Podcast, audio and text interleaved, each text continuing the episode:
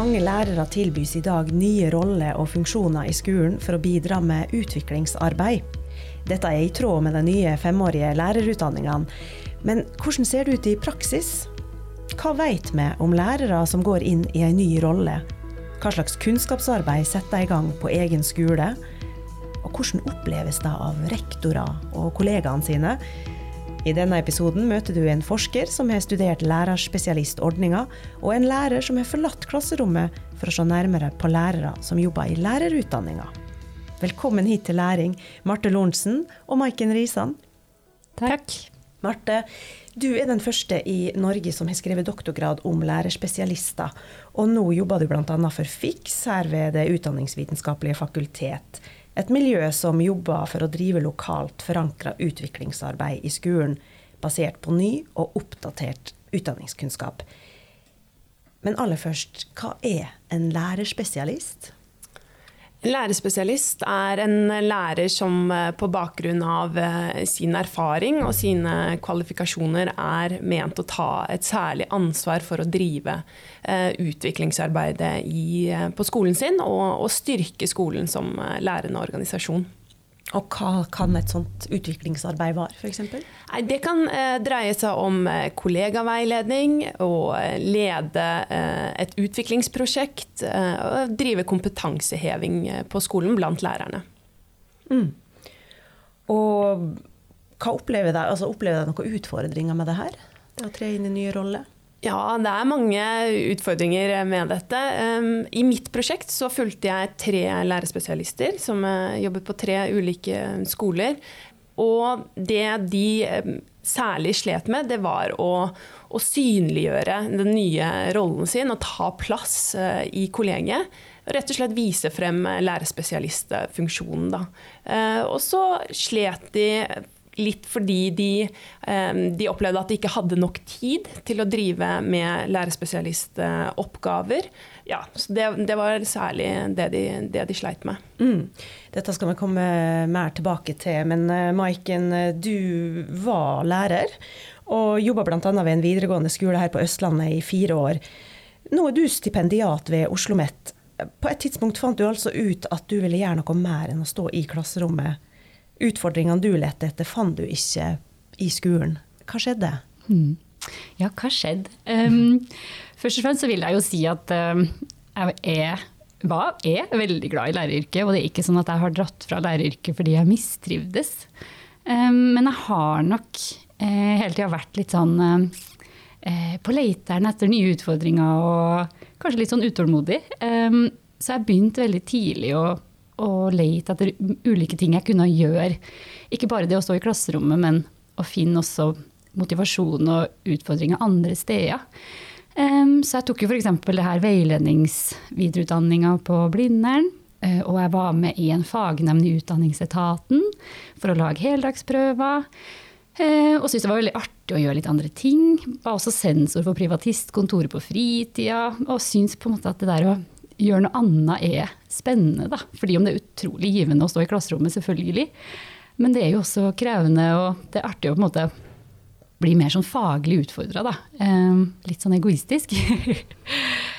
Kanskje ikke egoistisk, men du har lyst til å ja, bidra til å utvikle profesjonen din, ja, i tillegg til å utøve den, sånn jeg oppfatter det? Ja. ja. for mange er det jo også nok å stå bare i klasserommet, men jeg tenker også at det kan være fint for elevene også, det der at en lærer har, eh, gjør andre ting, da.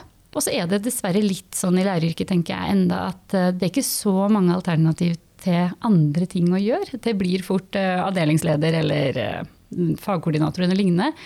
Men er du veldig sånn faglig interessert, så er det ikke så mange muligheter. Og jeg har nok hatt i bakhodet en stund at jeg hadde syntes det har vært artig å jobbe i lærerutdanninga. Det har jeg tenkt gjennom lærerutdanninga sjøl.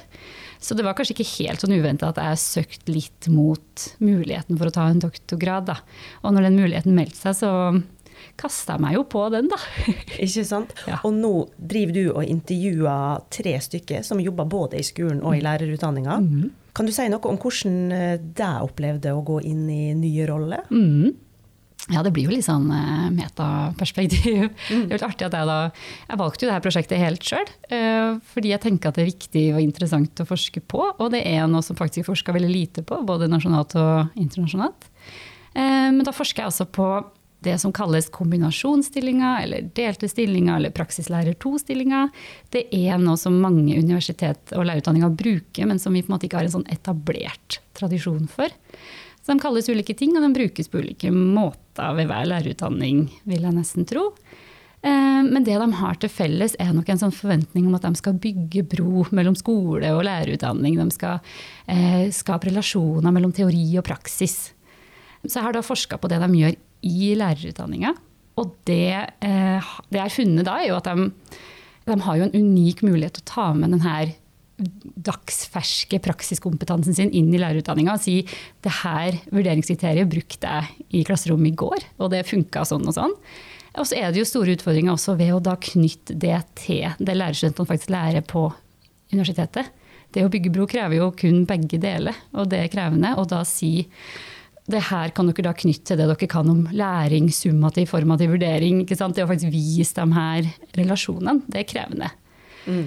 Eh, og så har jeg også funnet ut at de jobber i stor grad veldig alene. Man skulle kanskje tro at de har det potensialet der til å få til veldig fine sånn samspill mellom lærerutdanning og skole, men de er forska på å jobbe veldig alene i lærerutdanninga. Og bli veldig sånn ansvarlig sjøl for å skape de her relasjonene. Og så blir også arbeidet deres prega en del av det her med forestillinga om balanser og hvordan kunnskap som egentlig teller mest i høyere utdanning. Da. Eh, så jeg har funnet ut at det det er mange muligheter med sånne stillinger, men det er også en del utfordringer, da. Og hvordan har kunnskapsarbeidet endra seg? Eh, nå har jeg jo forska på dem i lærerutdanninga, så jeg vet veldig lite om hvordan de brukes tilbake i skolen. Eh, det eneste de nevner, er at de brukes lite tilbake i skolen. De gjør på en måte sin vanlige lærerjobb i skolen, og er kanskje veiledere for lærerstudenter. Da. Men i eh, høyere utdanning så jobber de jo med kunnskap på en helt annen måte. Det blir jo andre, altså Elever og studenter i høyere utdanning lærer jo ulike ting og jobber på ulik måte. Eh, og det er jo det der å gjøre om at lærerstudentene skal på en måte forstå at eh, det de gjør, blir, er også noe de kan føre over tilbake til klasserommet, men samtidig skal ikke de sitte og gjøre noe som også tiendeklassinger gjør, men de skal forstå at det kan overføres og brukes på ulike måter. Så de gjennomfører veldig sånn krevende kunnskapsarbeid i det skjæringspunktet, der de på en måte må oversette sin kunnskap fra skole til høyere utdanning. Da. Mm. Ja, det høres eh, utfordrende ut. Marte, med disse her ulike ordningene da, så ser vi jo da at lærerrommet er i ferd med å bli mer differensiert enn før, i hvert fall. Og det ligger et uh, potensial der ikke sant, å ta ut uh, enda mer kunnskap. Um, men hva kommer det her av? den differensieringa, den uh, trenden som vi ser nå? Ja, det stemmer at um, jeg tror kanskje særlig de siste 10-15 årene så har man sett en del nye ordninger og nye prosjekter som er statlig initierte, der, der det kommer inn nye roller og funksjoner i skolen. Og jeg tror en av de tingene som de ordningene har til felles, det er at det er et forsøk på å beholde dyktige lærere i, i klasserommet. Tradisjonelt så har jo læreres karriereveier dreid seg om å gå over i skoleledelsen, i administrative stillinger, sånn som Maiken snakket om. Mens nå tilbys de eh, litt andre funksjoner som både gjør at de kan undervise og få gjøre noe annet. Og så handler det um, om rekrutteringen til læreryrket. Ehm, man har jo sett de siste årene at eh, rekrutteringen er eh, svak og dalende. Så det er også et forsøk på å, å øke og heve den. Og så er det jo sånn som med tanke på de lærerne som eh, Maiken har forsket på, også et forsøk på å styrke samarbeidet mellom praksisfeltet og, og lærerutdanningene og forskningsfeltet. da. Ok, så For meg høres det da ut som vi har to store jobber å gjøre. Vi skal øke kompetansen til lærerne, og vi skal ta i bruk den økte kompetansen ute i skolen, Marte. Og det siste har du studert i ditt doktorgradsprosjekt. Ja, jeg har eh, i hvert fall sett litt på hvordan disse tre lærerspesialistene som eh, jeg fulgte, Eh, løste denne, denne funksjonen, de oppgavene som, eh, og så på hvilke oppgaver som de fikk tillagt. Ja, det var et, altså tre lærerspesialister i norsk, um, men med veldig ulike oppgaver. En av dem jobbet f.eks. med å utvikle vurderingskriterier i, i forbindelse med nasjonale prøver. Mens en annen lærerspesialist jobbet primært opp mot enkeltelever, faktisk. Og dette var en del av pilotordningen for lærerspesialister. Så, og det opplevde jeg vel at det bar litt preg av på de skolene som jeg var uh, ute på. At uh, denne funksjonen ikke var helt satt og etablert uh, på de tre skolene. Og at lærerspesialistene sleit med å finne plassen sin på skolen. da. Mm. Før vi går videre, for jeg vil grave litt i det her, men kan du ikke bare fortelle, ta oss litt tilbake. Hva er lærerspesialistordninga? Hvorfor kom den til? Lærerspesialistordningen eh, kom på plass i 2015 da, som en pilotordning for eh, lærerspesialist i norsk og eh, engelsk, med det formålet om å styrke skolen som lærende organisasjon og beholde dyktige lærere i klasserommet. Og så har jo ordningen blitt stadig mer utvidet til nye fag og fagområder. Og det har også blitt opprettet videreutdanningstilbud for lærerspesialister. Men nå er det jo litt mer uklart enn hva som vil skje med eh, ordningen. Eh, mens den gamle regjeringen hadde mm, satset stort på eh, lærerspesialistene og hadde et mål om å nå 3000 lærerspesialister innen 2023, så har den nye regjeringen sagt at de faktisk vil skrote ordningen og heller få til en, en partsforankret ordning. Da. Eh, så det blir veldig spennende eh, å se nå hva som skjer med, med, med ordningen, og om det kommer nye typer karriereveier. Mm. Ja, da vil ta et steg tilbake uh, før de bestemmer seg for hva de skal gjøre med, med den. Men hva, hvor mye tid og ressurser er det snakk om uh, da? Hva handler det om? Nei, Det er prøvd to ulike lønnsmodeller. Eh, I den ene så får lærerspesialisten i underkant av 5000 kroner mm. i måneden. Eh, og er forventet å bruke den eh, tiden han eller hun allerede har, til å utføre lærerspesialistoppgaver. Mens i den andre modellen så får man halvparten av, av denne lønnen, men får også noe redusert undervisningstid. Mm. Maiken, er det her noe som kunne ha beholdt det i klasserommet litt lenger? Kanskje. Jeg tenker um, alt som kunne ha gitt meg muligheter til å utfordre meg og utvikle meg, tror jeg nok jeg hadde kasta meg på. Samtidig så lurer jeg jo på om doktorgraden har lurt litt sånn i bakhodet uansett. Um, og igjen så har jeg jo hatt denne interessen for også å gjøre lærerutdanninga bedre og samarbeid mellom skole og lærerutdanning bedre. Men um, jeg tror absolutt Eh, ja takk til ulike roller og utfordringer i læreryrket, tenker jeg da. Ja, er det rom for nye roller i utviklingsarbeid i skolesektoren? Vi snakka nå litt om eh, eh, lærerspesialistordninga som et eksempel på det, da, Marte, som du har studert. Eh, vet vi noe om effekten av den ordninga? Nei, Vi vet egentlig ganske lite om det. Det har vært en uh, evaluering av piloteringen av uh, lærerspesialistordningen. Uh, og den konkluderte bl.a. med at veldig mange er positive til ordningen. Både rektorer og lærerspesialistene selv, og også lærerne. Men at ordningen mangler forankring i skolen og i kollegiet og i profesjonen. da. Ehm, og dette er jo noe bl.a. Utdanningsforbundet også har eh, trukket frem, at ordningen mangler forankring og legitimitet. Så det, blir det veldig spennende å se på nå eh, fremover, når eh, den nye regjeringen skal gå i dialog med organisasjonene. Mm. Det er jo ikke så overraskende at endringsarbeidet blir møtt med innledende motstand. Ehm, men forankring, hvor hva, sa lærerne om, eh, om her, eh, den tittelen, f.eks.? Liker de begrep som lærerspesialist, og tar det til seg, f.eks.?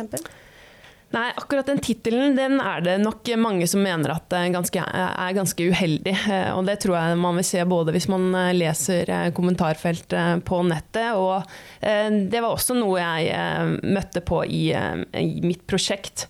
Eh, det signaliserer på en måte at du er dyktigere enn eh, en eh, andre, og det er det nok mange lærere som syns er problematisk. da. Samtidig så er det jo litt interessant hvis man begynner å, å sammenligne med andre yrker, f.eks. Lege, eh, legene eller sykepleierne, der spesialiseringsbegrepet og det å være spesialist er eh, helt eh, vanlig. Så et litt sånn spennende spørsmål syns jeg da er jo om lærerne i større grad ville akseptert eh, denne tittelen hvis de faktisk visste at disse lærerne kunne noe mer eller noe annet enn eh, de andre. Denne type eh, lærerroller som eh, lærerspesialistrollen er, det bryter jo veldig med noen sånne likhetsnormer som eh, tradisjonelt har kjennetegnet læreryrket. Lærere har tradisjonelt vært helt sånn flatt organisert. Det har vært likhet, mer eller mindre likhet med tanke på lønn, oppgaver, ansvar osv. Og når da lærerspesialistrollen kommer inn og, og utfordrer alle disse likhetstankene på mange måter, måter, så blir det eh, problematisk eh, for eh, mange. Det har i hvert fall veldig mange forskere ment. Men det jeg bl.a. fant i mitt prosjekt, det var at lærerne var egentlig ikke så negative til, til denne funksjonen.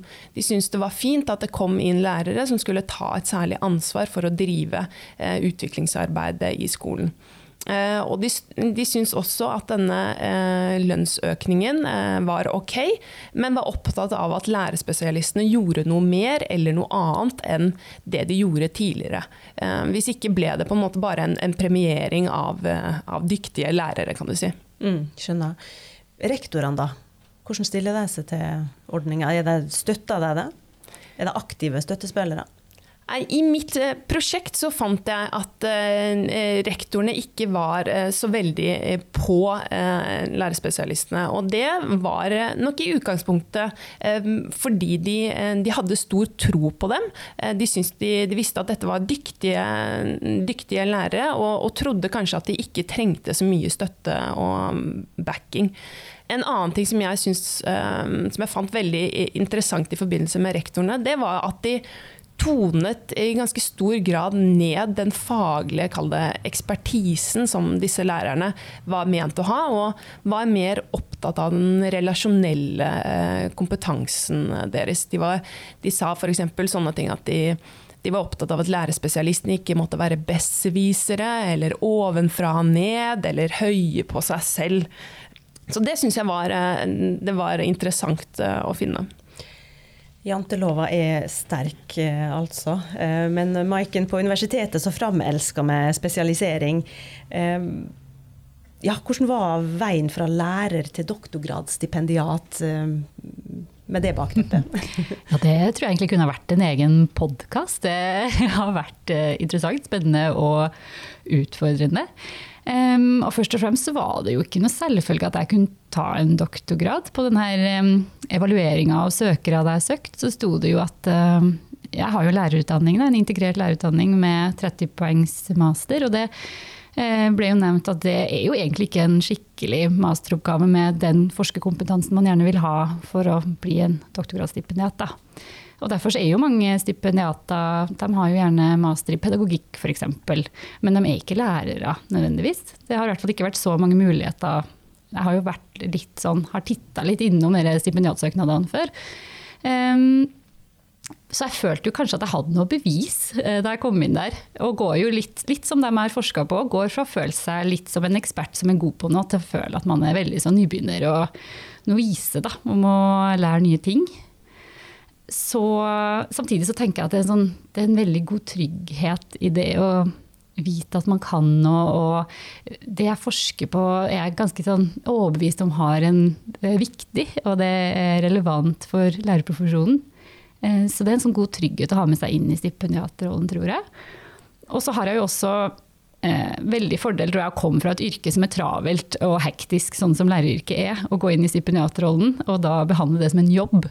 Eh, og ikke, man kan jo jobbe så mye man bare vil som stipendiat, men der har jeg vært god til Jeg, jeg kommer allerede fra en travel jobb. Prøver å behandle det som en helt vanlig åtte til fire-jobb. Mm, helt vanlig travel jobb. Ja. Um, Nettopp. Men um, så du, du, har liksom kommet til å akseptere denne nye kunnskapskulturen, da, hvis man skal kalle det det. ja. men, men, men, hvordan kan grunnskolen gjøre det? Hvordan kan den lære seg å tåle differensiering bedre framover, tenker du? Nå tenker jeg jo at det vil gå litt uh, Nå kommer jo snart de første kullene med grunnskolelærerutdanna masterstudenter ut i skolen. De blir vel ferdig uteksaminert nå til sommeren eller neste.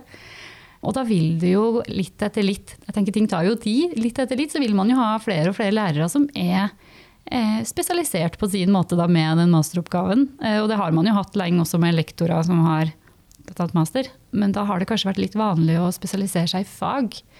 Men grunnskolelærerutdanningsmasterne nå skal jo gjerne også være enda mer profesjonsretta. Så jeg tenker at det finnes så mye muligheter i å sette pris på hverandres kunnskap. Da.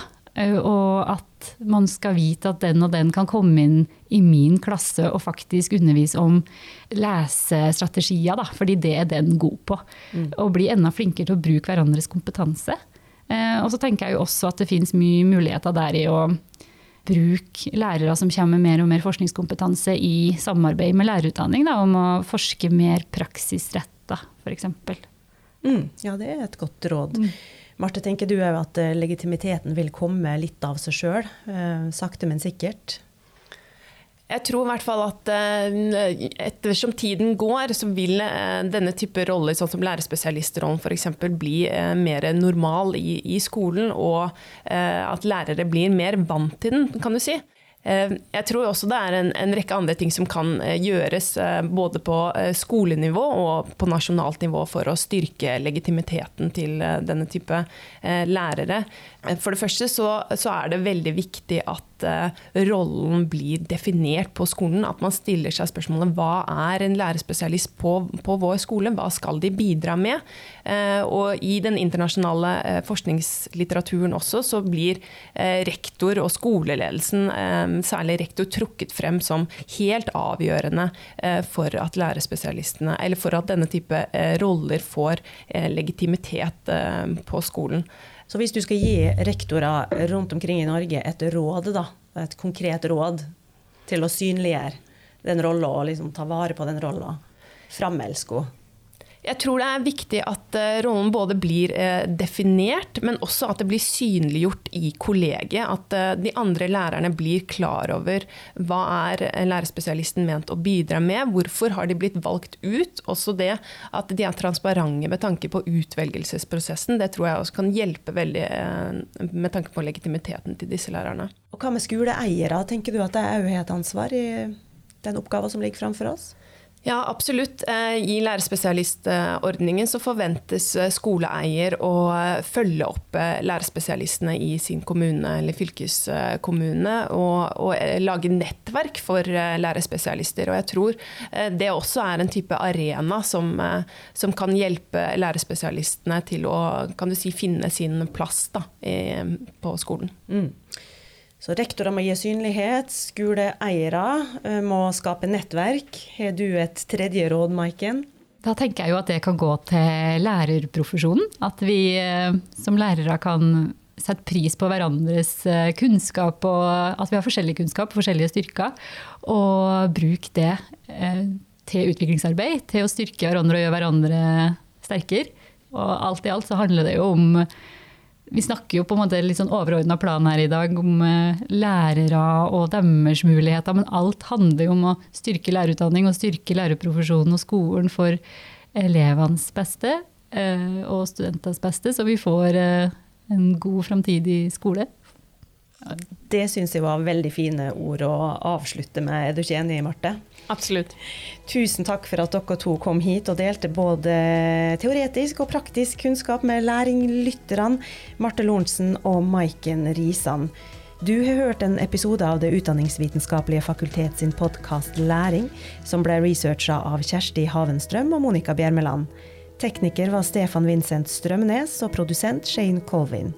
Læring finner du på nettsida og Facebook-sida vår, og der du lytter til podkast. Mitt navn er Monica Bjermeland. Takk for at du hørte på.